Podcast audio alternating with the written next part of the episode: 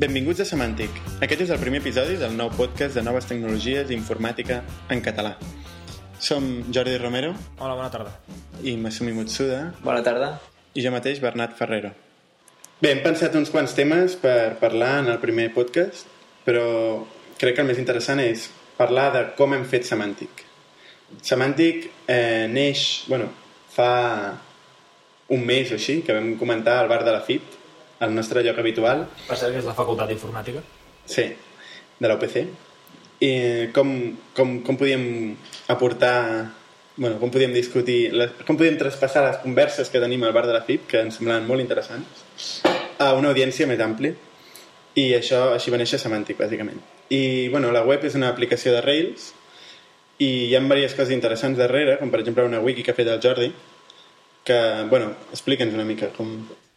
Bueno, el principal problema que teníem era triar temes, posar-nos d'acord, etc. I com que som tres, és, una, és un grup bastant complicat de coordinar perquè dues persones parles, però tres és molt punyetero i vam decidir fer un wiki. I com que som uns inconformistes, en comptes de buscar el primer wiki que vam trobar, doncs em vaig posar i en un parell de dies vaig fer un wiki amb Sinatra, que és un framework de Ruby per fer aplicacions web bastant petit i en pocs dies penjaré el codi perquè es pugui consultar i ja en parlarem, però és bastant interessant. Actualment el wiki és, mm, està restringit als, als tertulians, però pot ser que en un futur el poguéssim publicar una part, almenys actuar també com, una, com show notes, però bueno, ja en parlarem Ja en d'això. I altres detalls de semàntic interessants que estaria bé comentar és que hem utilitzat GitHub per fer un codi en comú. GitHub l'utilitzem molt sovint. Explica una mica... Bé, GitHub és una web, un servei que ofereix eh, allotjament de repositoris Git, que això és bastant útil perquè pots tenir repositoris públics gratuïtament o privats pagant una petita quota, però la, més, la part més interessant de GitHub és la vessant social, i és que permet molt fàcilment col·laborar en projectes open source, compartir codi, comentar codi dels amics. Per exemple, nosaltres constantment interactuem amb pro- projectes dels altres per donar un cop de mà o, o donar la nostra opinió sobre el que està fent. I en el cas de Semantic doncs és un projecte, un projecte públic que té allotjat el Bernat en el seu compte i on, per exemple, el Masumi i jo hi tenim accés i quan volem fer un canvi el fem directament en el seu, en el seu compte. I... Bé, estaria bé, estaria bé comentar què és Git, abans de comentar què és GitHub. Bueno, suposo que, no sé si l'audiència coneixerà Git, però Git és un sistema de control de versions que va crear Linus Torvalds per gestionar el, bàsicament el kernel de Linux i és increïblement pràctic i eficient. Més, els detalls de per què va crear Git és perquè els altres eren o lents o molt poc eficients amb l'espai i necessita que fos distribuït. O sigui, són els, els pilars de Git, perquè existeix és perquè sigui ràpid, que és el que estaves dient, perquè sigui distribuït, que és una cosa raríssima, I a més perquè sigui net, perquè et deixa la part del codi totalment neta, no, no t'afegeix fitxers com per exemple Subversion, que et crea el punt SVN aquest dels, dels ous. Que està enfocat al desenvolupament de Linux, que és totalment distribuït, necessitava una cosa i no hi era. Exacte, i és un codi immens. sí. Un dels punts febles de Git que comenten és que la corba d'aprenentatge és bastant, bastant important. Tu m'assumi que acabes de començar amb Git, què, què tens a dir? Jo l'únic que he fet de moment és crear quatre projectes. Eh, en un d'ells eh, ja estic hi he ficat la meva primera aplicació amb Ruby on Rails i de moment com que l'únic que he fet és crear-lo i pujar-hi el codi la veritat és que no sé dir-te molt si, si, si Però parlem, parlem de Git, o sigui, tu encara Has fet, has fet còmits? teu Has fet ordinador... còmits? Sí, he fet, he fet un còmit. Bueno, El primer. Realment ets gairebé verge amb això. Eh? Efectivament. Però Perdó, perdó. he vist la, o sigui, el tema dels comentaris, el tema de mirar altres projectes com estan, veure les diferents versions, he vist que és bastant... La part bastant social de GitHub és... Sí, la part eh, social és, sí, és molt semblant a altres. Però quan dius que la corba d'aprenentatge és molt, molt alta, què vols dir? Que costa, costa ficar-s'hi. Sí, i jo crec que sobretot és quan vens d'un altre sistema. Quan vens sobretot a Subversion, que és el... el Sobretot perquè el està gran molt integrat a quasi tots els IDEs i al final Sí, el sí. cost d'aprenentatge subversió és molt, I la, molt I la part distribuïda fa que sigui molt diferent el concepte de baixar, pujar codi amb el concepte d'anar creant còmics i després barrejar, separar, etc que per cert és molt potent. Crear branques, eh, crear tags, etc és increïblement fàcil. El que passa és que per ara hi ha molt pocs IDEs, com comentaves, que funcionen amb Git. Això de crear branques és per, diguéssim, si hi ha un projecte i es vol desviar el desenvolupament del projecte cap a una banda o cap a una altra, que... Imagina't un projecte com la web de Semantic en la que decidim implementar eh, el wiki integrat en l'aplicació Rails, per exemple. No? Doncs és una cosa que segurament només començar faria que deixés de funcionar, perquè s'haurien de modificar unes rutes, potser trencaria dependències de gems. Doncs jo crearia una branca, intentaria integrar-ho, vosaltres seguiríeu treballant amb la branca principal i quan estés arreglat es fusionarien les branques. Ah, d'acord. Molt interessant. Uh -huh. I des de GitHub, a més, encara és molt més interessant perquè et dona una funcionalitat que és fork. Tu tens un projecte que ja estan treballant una sèrie de gent interna en el projecte i, pues, no sé, per, tu utilitzes, per exemple, un plugin que hi ha penjat allà per la teva aplicació i t'interessa canviar alguna cosa. I, evidentment, aquesta cosa de canvis segurament li interessarà a una altra persona, no? Tu fas un fork el teu repositori, a la teva part pública, d'aquell projecte, tu canvies el que t'interessa i, i allà es queda. Si a alguna altra persona li interessa, aquell mateix canvi doncs, utilitzarà el teu fork. I inclús moltes vegades doncs, es fan diverses branques d'un projecte, es van creant diverses branques, es van desenvolupant a partir d'un fork que ha fet algú o algun canvi estructural o conceptual que ha fet sobre una aplicació. Per exemple, aquesta setmana, una cosa que jo no hagués fet mai, he contribuït a dos projectes open source molt petits, fent canvis. Per exemple, un és la llibreria d'internacionalització de Ruby, R18N, que no tenia català com a llenguatge base. I aleshores, en 10 minuts, gràcies a GitHub, vaig clonar, eh, vaig agafar el, el castellà, vaig traduir català i vaig eh, pujar els canvis en el meu compte i li vaig enviar un missatge al propietari del repositori principal i vaig dir, fet aquests canvis. I en 10 minuts ja havia acceptat els canvis en la branca principal i també amb un altre projecte que es diu Teambox que és un programa de gestió de projectes també Tenia... Aquest és un tema interessant que parlarem, Parlarem de Teambox. més endavant. sí.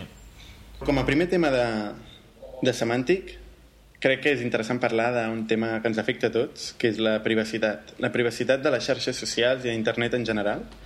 No sé si heu sentit, heu sentit eh, els últims eh, escàndols que hi ha hagut pel tema de Facebook, per exemple, per la, la fuita de dades que va haver amb el xat. Ah, sí, efectivament. Hi va haver un problema de seguretat bastant greu. Eh, això, va, això passava amb la nova versió, quan van canviar la nova, la nova versió del sistema de seguretat, no, de perfil de privacitat que en diuen, eh, hi havia una opció on podies veure el teu perfil com el veuria un amic teu, un contacte teu. Si allà hi ficaves el nom d'usuari d'algun dels teus con- contactes, veies com ell veia el teu perfil, però a més, si estava en una conversa de xat, veies què estava, amb qui estava parlant i de què, i a sobre també podies veure el, els últims avisos que havia rebut l'usuari, comentaris i, i d'altres. Clar, i això eh, no és la primera vegada, vull dir, ha passat diverses vegades. I, bueno, per no parlar de, del canvi de, de les regles de privacitat que vam fer, Sí, jo l'altre dia vaig veure un gràfic molt interessant que mostrava de totes les característiques de Facebook els permisos per defecte de cada apartat. O sigui, missatges del mur... Bueno, és que jo no faig servir Facebook i no, no domino. Fotos, després ens etiquetats... explicaràs per què no. Vale. no I, I posava un gràfic on al llarg del temps s'anaven posant fosques les parts que per defecte eren públiques. I veies que al principi Facebook tenia moltes parts privades Clar. i en l'última versió per defecte gairebé tot és públic i, i si fet- el trobem el penjarem a les De fet, notes del l'atractiu, podcast. el que va fer créixer, el que va fer créixer Facebook era justament això, era que era una alternativa, per exemple, a MySpace, que era una cosa que per, per defecte era pública, la gent ja sabia que el que ficava allà era públic, i Facebook va sortir com a alternativa, una cosa que era privada, només comparties amb els teus amics. Però això ha anat canviant, ha anat canviant d'una forma increïble. I sobretot amb l'últim canvi que han fet, eh, per defecte, quan tu feies el típic que fa siguiente, siguiente, siguiente, estaves acceptant una sèrie de coses Exacte. que era posar el perfil pràcticament públic Exacte, dèiem, per, tothom. per al teu interès, eh, l'interès de l'usuari i la teva seguretat, hem canviat les regles de, de privacitat, no? I, I si tu passaves allò com fas normalment quan t'apareix una, una finestreta d'aquestes i tancaves, I agree. automàticament, automàticament el que passava és que en totes les teves dades passaven a ser públiques. De fet, abans de començar el podcast, per exemple, el Massum i jo m'està comentant que teníem una companya de, de col·legi que havia anat amb nosaltres i, i, i l'hem buscat, al, bueno, l'hem buscat al Facebook, ens ha aparegut al Facebook i, i es podia veure absolutament tot, tot seu, no? I això és una cosa que és molt greu, no? Poder I veure, molt perillosa. per poder veure les fotos i tot. Màfies de segrestadors, Sí, sí, sí. etc. Ja he trobat el gràfic. Digues. El posarem, no, el posarem a les notes del podcast. eh? Vale. I bé, bueno, comentar també que, que Facebook, o sigui, que va, néixer de Mark Zuckerberg, no sé si heu sentit a parlar, però és un, bueno, actualment és un milionari, però això va començar a les habitacions de... Bueno, es diu, es, es va començar a les habitacions de Harvard, eh, és un, amb 19 anys el, el xaval tenia, i bueno, actualment és un, una de les empreses més grans de, Units, dir, factura una, bueno, molts bilions. 400 milions d'usuaris actius té. Sí, dels quals, sí, jo també tinc aquesta, aquestes dades, dels quals 35 milions entren almenys una vegada al dia. I a més, comentar, comentar que, que per exemple, el, és que l'altre dia estava veient la, la campanya, no, no era la campanya electoral, no sé, era un, un míting d'Esquerra de, de, Republicana, tenint un projector enorme i, i es veia una pantalla ja enorme amb el Facebook darrere de la pàgina d'Esquerra Republicana. Vull dir, estem arribant a un extrem, estem arribant a un extrem que el Facebook està absolutament a tot arreu, no?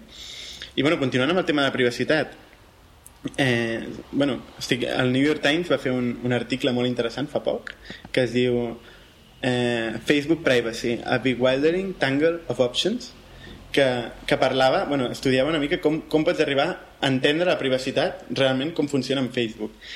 I analitzava doncs, que tens, per exemple, 50 possibles configuracions diferents amb més de 170 opcions que, que l'agreement, l'statement de privacitat té 5.830 paraules, que és més llarg que la pròpia Constitució americana, i és absolutament la, la, la xarxa social o, o l'aplicació per internet amb més, o, o programa informàtic fins i tot, amb més paraules en el seu statement de privacitat, és a dir, és una que ningú pot llegir mai, ningú pot llegir mai, i al principi, més, l'evolució que ha tingut, perquè va començar amb, amb 1.000 paraules i actualment doncs, ja, ja dic, té 6.000 paraules, quasi, no? I, bueno, també, també comentar que hi ha el, el llibre, el llibre de, de Ben Methridge, que és un el Accidental Billionaires, has sentit a parlar? No. No. Pues és molt interessant perquè bueno, es revelen moltíssimes coses de la vida de Zuckerberg i de, i de com va néixer Facebook. Tinc entès que no era una bona persona. No, de fet, no era gaire bona persona i, i es veu amb els, amb els xats que s'han filtrat, que va tenir, que han filtrat amics seus o que realment s'han filtrat els va, perquè els va agafar a la universitat. De fet, Harvard el va sancionar diverses vegades. Per què? Per, per filtrar informació privada de la universitat, etc. I de fet en, en aquests xats es veu que, que al tio no li interessa en absolut la gent ni res. O sigui, ell va crear eh, va crear el, la pàgina per, per fer cites. De fet, ell volia fer dos, dos pàgines, do, dos projectes diferents, un per fer cites, l'altre per fer contactes de la universitat, no? Però realment es va donar compte que el que volia ell era, lo, lo interessava era lo de les cites, però que si es deia cites, es deia que era una cosa per fer cites, la, la gent no anava, especialment les, les ties no anaven. I, i en Facebook pues, se'm quedava una mica com... Era per fer amistat, no? Quedava més dissimulat. I el tio tenia un interès claríssim. De fet, hi ha, hi ha trossos de conversa que, que recuperen que, que són molt interessants, com per exemple li està dient a un xaval, a un de la seva classe, no? li està dient, digue'm d'aquí vols informació de, la, de tota la universitat, que et passo tot el que vulguis. No? I, i, i dius, bueno, i la, el tio li pregunta, bueno, i com pot ser que ho tinguis? No? Perquè li diu, tinc informació de tot tipus. Diu, com pot ser que ho tingui? I diu, perquè, perquè són gilipolles, perquè m'ho donen ells mateixos, no? M'ho donen ells mateixos perquè volen. És que no, no s'enteren de res. Aquest senyor controla la informació personal de quants milions de persones? 400 milions. Clar, és que és, és un tema molt, molt greu i que la gent coneix poc. De fet, el, aquest 31 de maig eh, s'ha declarat el, el Facebook Quitting Day. Precisament perquè pels problemes que està donant Facebook a, a la gent, a la, qüestions de privacitat, ha nascut una nova iniciativa també entre estudiants que és Diàspora. Diàspora és, pretén ser una alternativa descentralitzada, no? que la gent és propietària de... Sí, bueno, és, és una proposta que han fet uns estudiants, ara no sé d'on, on pretenen arreglar tots els problemes de Facebook i quedar-se amb les parts bones. O sigui, pretenen que sigui una xarxa social, però mm, que no sigui malèvola. O sigui, ells no volen ser propietaris de la informació, volen que tu tinguis la informació. Però bueno, això sona bé, però què vol dir que està centralitzada la xarxa?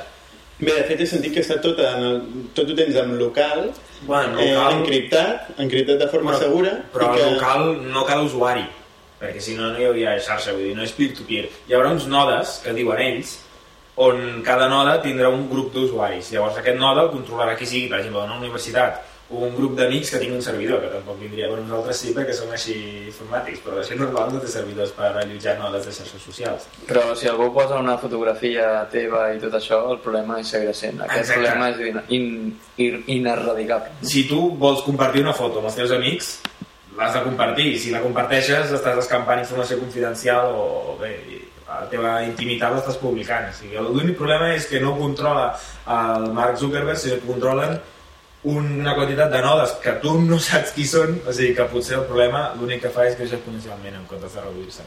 Bueno, jo, jo penso que no, jo crec que és una iniciativa molt interessant, però el problema no és aquest, el problema és que es basa en res, no? perquè ha, Sí. sí. ha, ha sigut una declaració d'intencions, no? han, han recaptat una quantitat de pasta increïble, de fet, quan han, quan han recaptat? Més de 170.000 dòlars. Més No hi, ha, no hi ha cap línia de codi.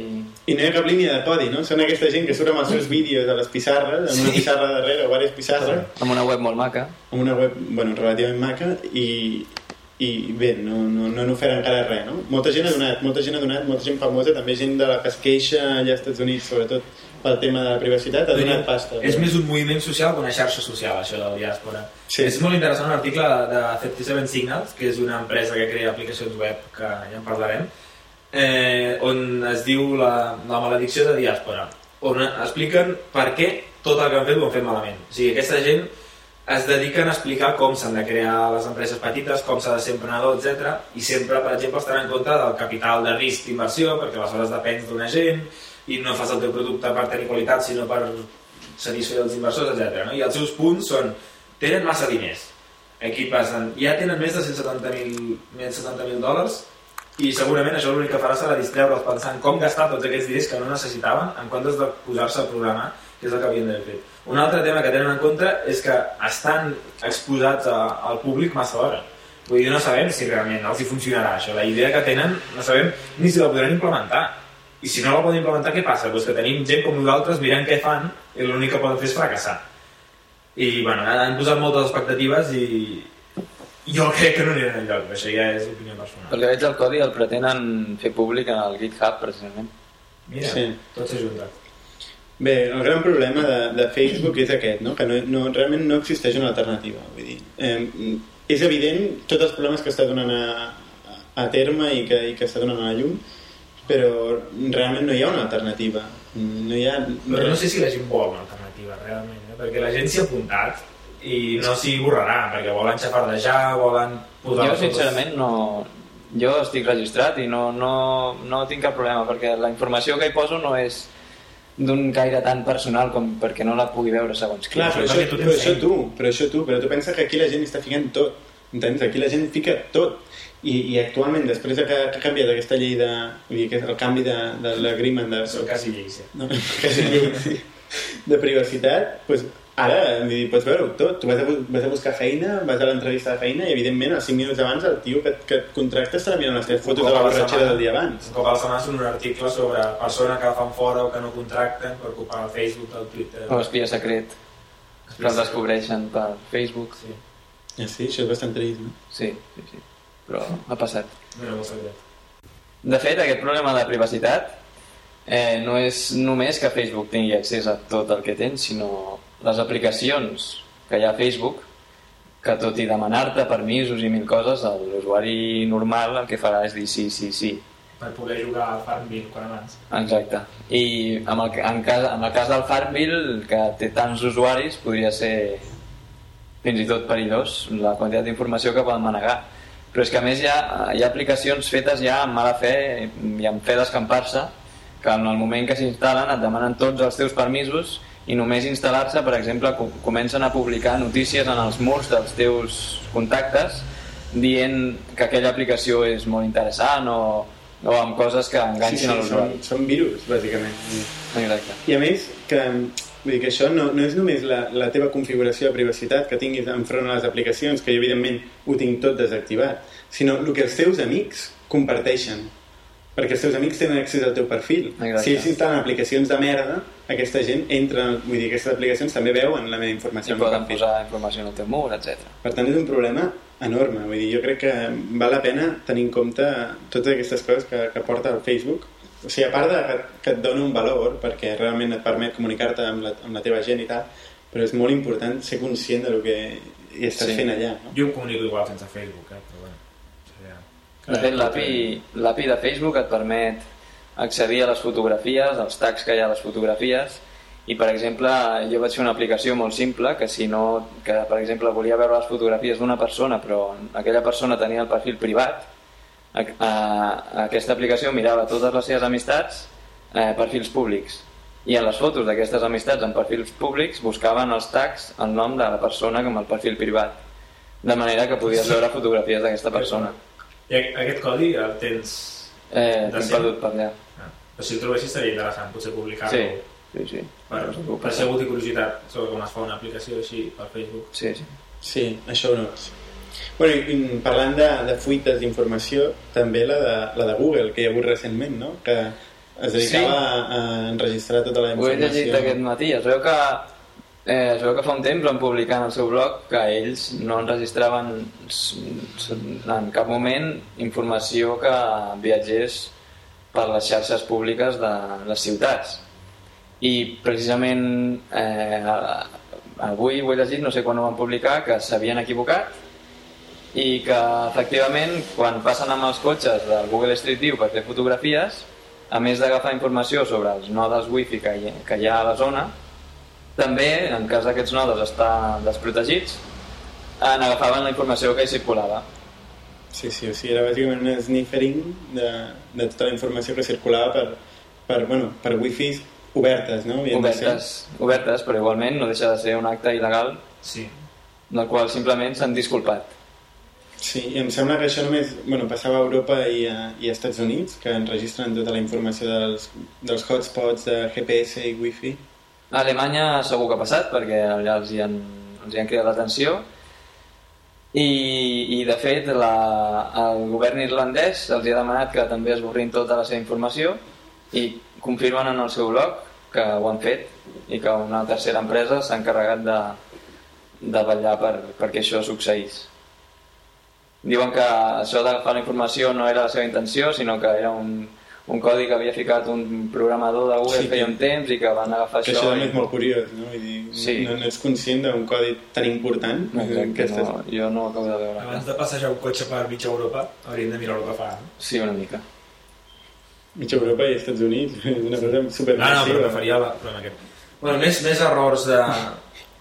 en xarxes socials. Aquesta setmana també em vaig trobar amb un bug molt curiós al Twitter, que Sí. va saturar tota la xarxa de eh, seguidors i seguits de tots els perfils de Twitter, i és que algú va descobrir per casualitat, que ho ha explicat abans del Masumi, que si tu posaves la paraula accept i el nom d'una persona, aquesta persona et seguia automàticament. Aleshores, això va fer que quan es va publicar això, al cap d'una hora s'havia destrossat tota la xarxa perquè tothom estava seguit per tothom i la gent per provar, jo mateix ho vaig provar i funcionava. I el que van fer va ser desactivar tot això i durant unes quantes hores tothom tenia zero seguidors i el dia següent, suposo que haurien buscar una còpia de seguretat de les relacions entre contactes va tornar a funcionar, però va ser una Però mentida què havies de fer exactament? havies de posar un tuit amb la paraula accept i després el nom d'un usuari. I automàticament a l'usuari aquest es posava a seguir-te. De fet, va descobrir una, això, un seguidor d'un grup de música que es diu Accept, que ah. li, volia, li volia recomanar aquest grup en un amic seu, i va escriure Accept i el nom d'usuari de, del seu amic. I va veure que automàticament el seu amic l'estava seguint a Twitter. Li havia arribat un correu Que aquest amic l'estava seguint. Això em fa sentir bé com a programador perquè vol dir que, no, que tothom té programes cutres per ahí amagats. Sí, però realment- Perquè imagina't com ha de ser el codi que si troba la paraula accept es posi a seguir. És que deu haver-hi una Però és que xapussa. És una Twitter, xapussa. Twitter es cita com a exemple de, de coses ben fetes. És evident que hi ha una xapussa tremenda sí. perquè no em puc imaginar quan fas un programa així has de fer perquè això funcioni. No? Parlant de nyaps, últimament, eh, que s'han produït, el Resumi. tema de la, de la votació de la votació de la Diagonal. sisplau, que estem... Això és molt fort, eh? Tenir, de, després de criticar el Facebook, que sigui enganxat. Estaves, estaves piant. Com arriba un missatge... No, estàvem parlant de, de nyaps en programes aquesta setmana, si, si, bueno, si sou de Barcelona o heu sentit alguna notícia rela relacionada amb Catalunya, us haureu enterat de la magnífica desplegament que han fet del sistema de votar.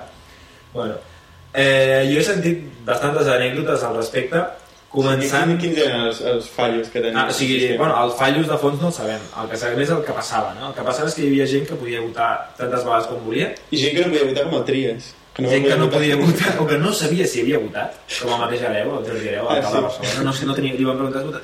"Ah, Crec que sí, però no ho acabo de saber, ara ho consultarem. Però problemes més seriosos, com per exemple que es veu que quan passaves el ratolí per damunt de l'opció A o B, es votava abans de que ho Es confirmessis. la... I et deia gràcies per haver votat l'opció A i la gent encara no sabia ni on estava. Gent, per exemple, que mm, votava amb el DNI d'altra gent.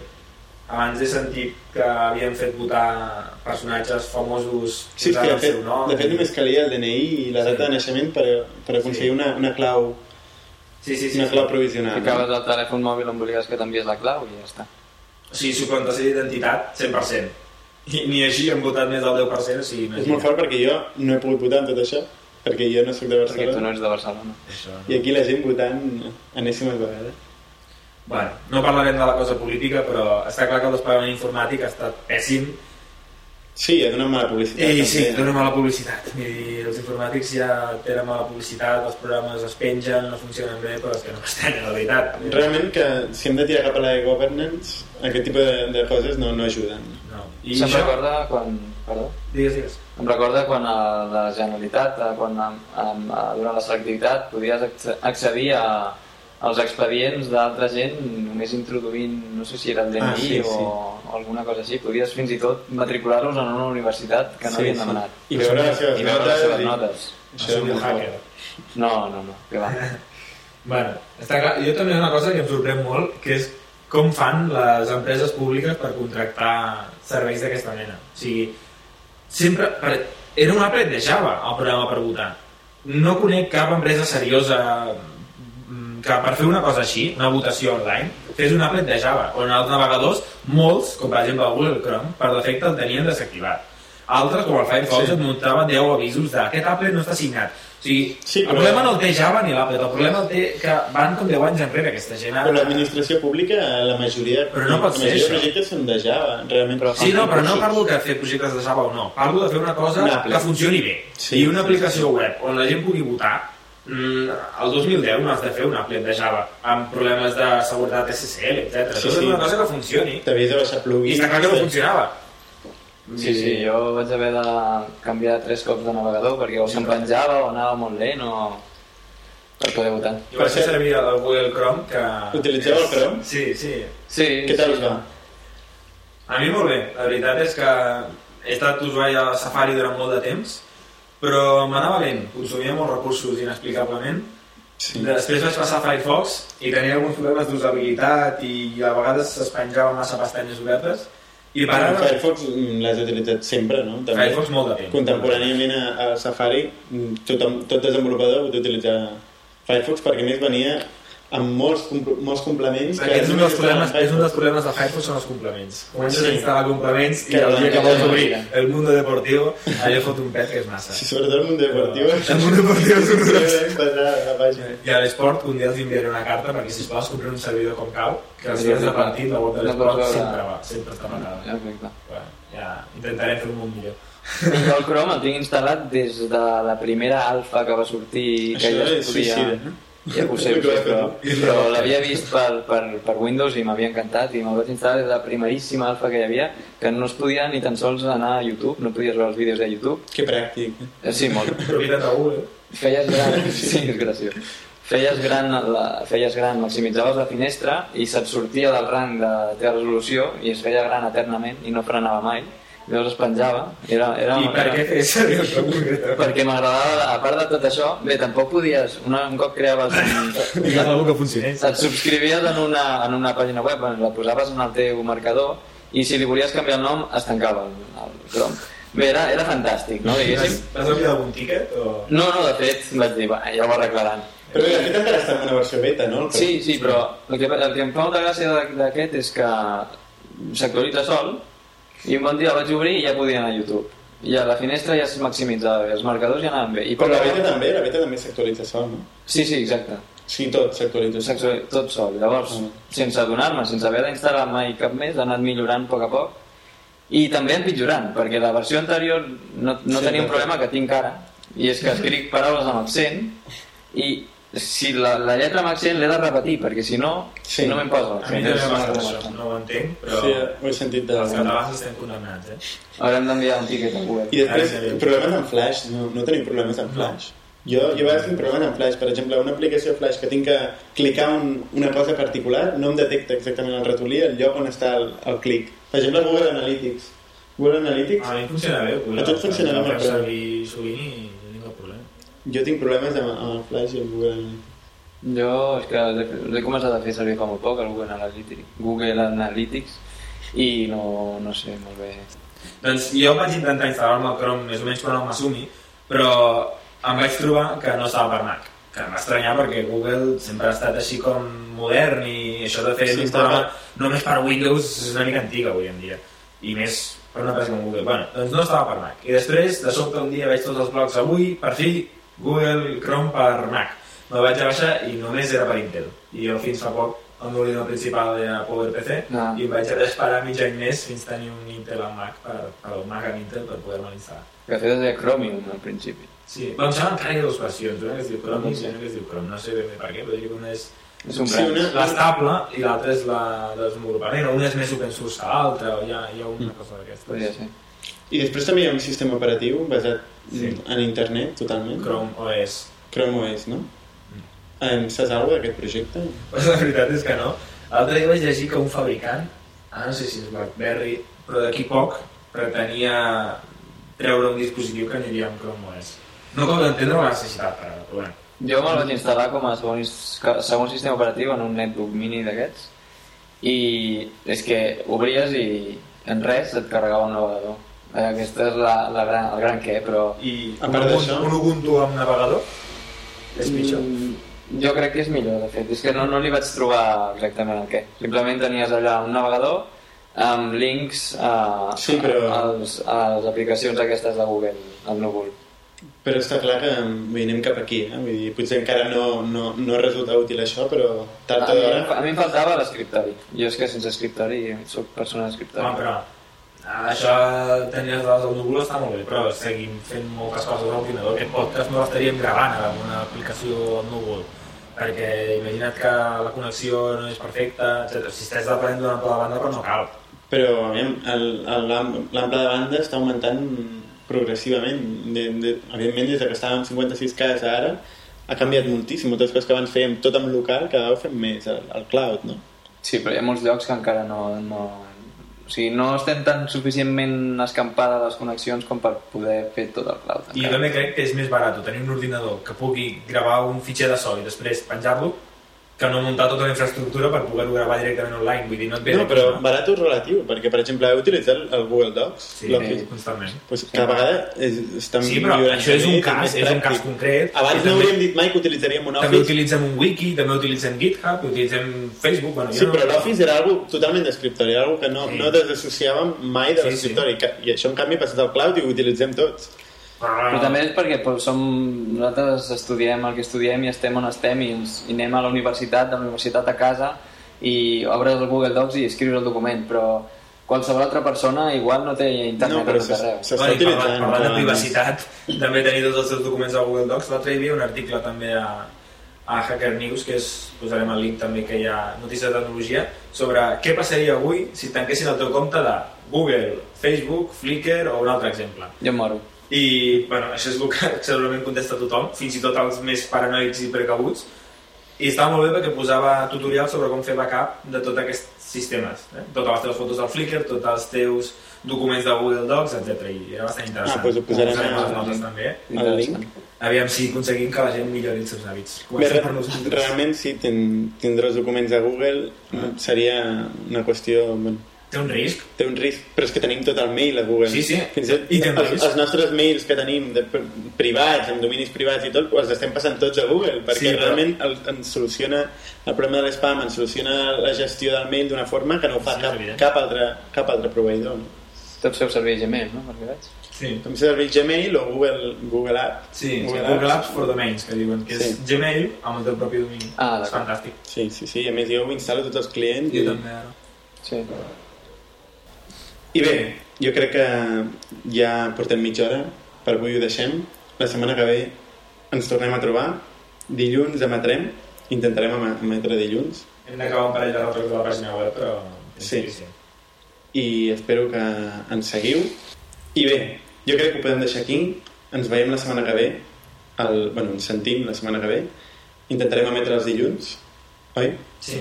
Eh, la web encara ens falten alguns retocs, però intentarem acabar-la, Si ens voleu ajudar. Acceptem totes les propostes. i tots els forks de GitHub que vulgueu fer. Podeu subscriure's al nostre podcast a través de l'iTunes perquè se us descarregui automàticament cada setmana. Podeu subscriure's al feed del blog per llegir-ho en el vostre agregador de blogs, Google Reader, etc. O podeu simplement consultar frenèticament semantic.cat, on ens trobareu cada setmana. I, si us plau, podeu deixar els vostres comentaris, suggeriments, coses que cregueu que podem millorar en el blog del podcast a semantic.cat. Fins la setmana que ve.